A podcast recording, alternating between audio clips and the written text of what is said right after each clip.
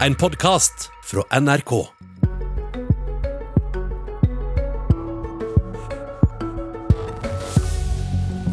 Det er usemje i Høyre om framtida til oljeskatten og leiterefusjonsordninga. Er det konservativt å la oljeskatten være som den er? Eller er det konservativt å endre den for å passe bedre på statens penger?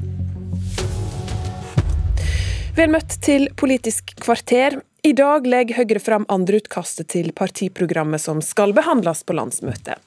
Og en liten setning kan skape den heftigste debatten der. Setningen fra et mindretall i programkomiteen er slik Gå gjennom og evaluere skatte- og avgiftssystemet for petroleumsnæringa for å gjøre endringer for å skjerme staten for økt risiko. Det er leder av Oslo Høyre Heidi Nordby Lunde, fiskeriminister Odd Emil Iversen og deg, tidligere Unge Høyre-leder Sandra Bruflot, som utgjør mindretallet bak denne setningen.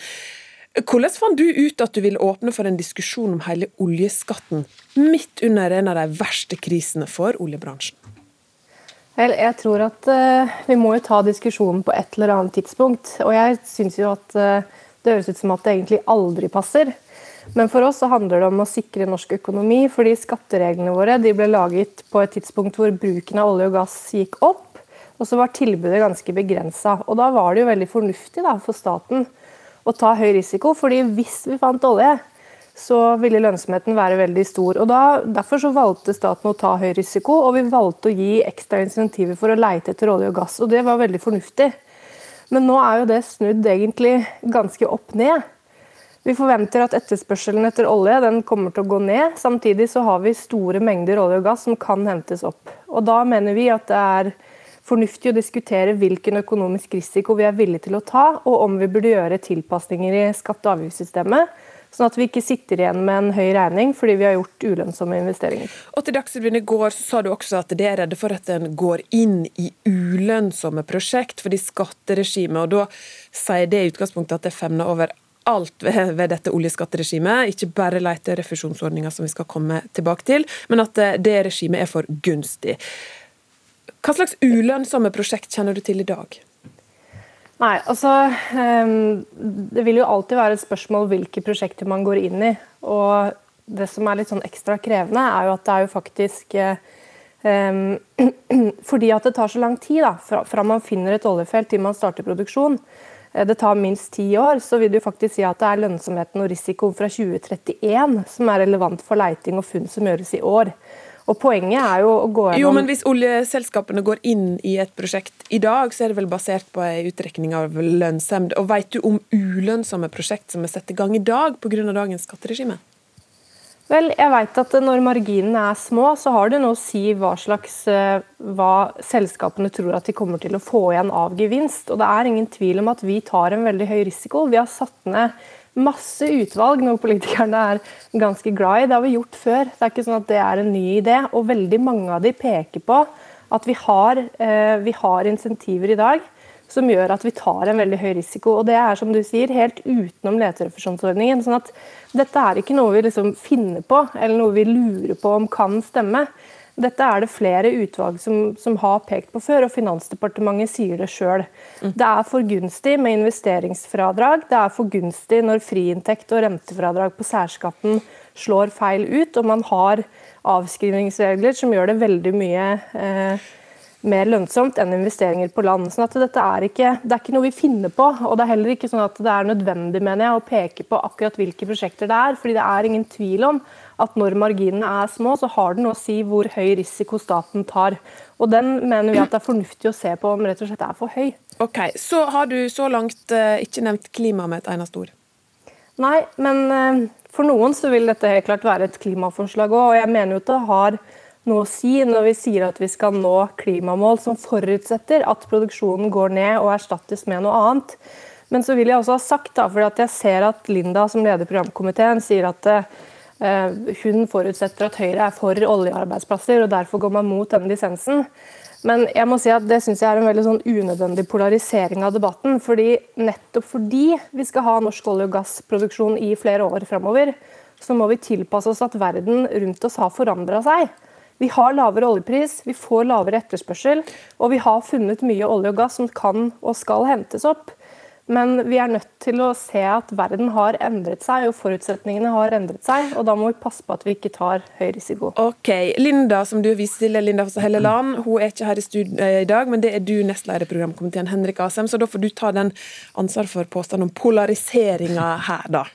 Ja, det, det, skal jeg ikke, ikke bidra til. Jeg syns det er en helt legitim debatt å ha i Høyre nå, om man skal gå for dette eller ikke. Men jeg er uenig med mindretallets forslag. Eh, og Det er jeg både fordi vi har et skattesystem i dag som har bidratt til at vi har mange små aktører på sokkelen som leter etter olje på ulike måter. F.eks. Johan Sverdrup, som egentlig nylig er realisert, kommer til å ha inntekter på 900 milliarder kroner og er nedbetalt på 16 måneder. Og ble funnet av et lite svensk leterskap som heter Lundin. Og Tror du da at det er flere slike Johan Sverdrup-felt å finne? Ja, det tror jeg det kan være. I hvert fall at det kan være flere områder på norsk sokkel som betyr store inntekter for staten også i fremtiden. Og det er grunnen til at vi har det systemet som gjør at hvis det lønner seg for selskapet, så lønner det seg for staten. Altså Selskapet skal jo også regne inn alt det av fremtidig CO2-avgift, alle sånne kostnader. Men så skal de ta en risiko ved å lete. Den er vi med på å ta, mot at de betaler store skattebeløp inn hvis de finner noe. Men du hørte uh, Bruflot peke på at også Finansdepartementet ser denne problemstillingen, at risikoen har begynt å bli for høy? Ja, altså Finansdepartementet mener vel alltid at all skatt bør være helt nøytral. Det mener de nesten uansett hva vi snakker om. Men det som er faktum er at Finansdepartementet sitter jo også og forvalter et oljefond på over 11 000 milliarder kroner, så helt galt kan det jo ikke ha gått. Uh, og det er jo fortsatt sånn at vi har store oljeinntekter, og det letes fortsatt på norsk sokkel. Bruflot. Ja, og det, altså det, er jo Grunnen til at man tar en høy risiko, er jo flere ting. Det er både direkte investeringer, det er Statens pensjonsfond, altså det er mange ting. Men poenget er jo at når vi har et skatte- og avgiftssystem som er tilpassa at oljealderen faktisk var foran oss, så er det veldig rart at man ikke sier at den bør vi gå gjennom og se om vi burde gjøre noen tilpasninger, fordi at verden ser ganske annerledes ut. Og så mener jo ikke jeg at vi skal gjøre endringer bare for endringens skyld, eller at å, jeg har så lyst til å sende liksom kjipe signaler til, eh, til næringa, eller hva enn som skulle ligge bak. Så hvis man går gjennom da, og finner ut at nei da, vi kan fortsette i samme tralten som før, og det gjør ingenting at vi har et skatte- og avgiftssystem som er tilpassa en litt annen virkelighet, ja, så trenger man jo ikke å gjøre endringer. Men det er jo litt rart synes jeg, at man tenker at vi kan fortsette med regler eh, og skatte- og avgiftssystem som vi hadde før Eh, oljeprisfall før finanskrise og før korona, og mens vi hadde oljealderen foran oss, og før vi forplikta oss til eh, Parisavtalen i tillegg, uten å tenke at hm, kanskje vi skal se på om dette er like fornuftig for framtida. Ja, for det er jo et sentralt spørsmål. Asem. Har ingenting endra seg siden 2005? Jo da, men i 2005 så kom disse tiltakene kom jo ikke fordi nå er det bonanza på norsk sokkel. De kom fordi man var redd for å ikke finne nye felt.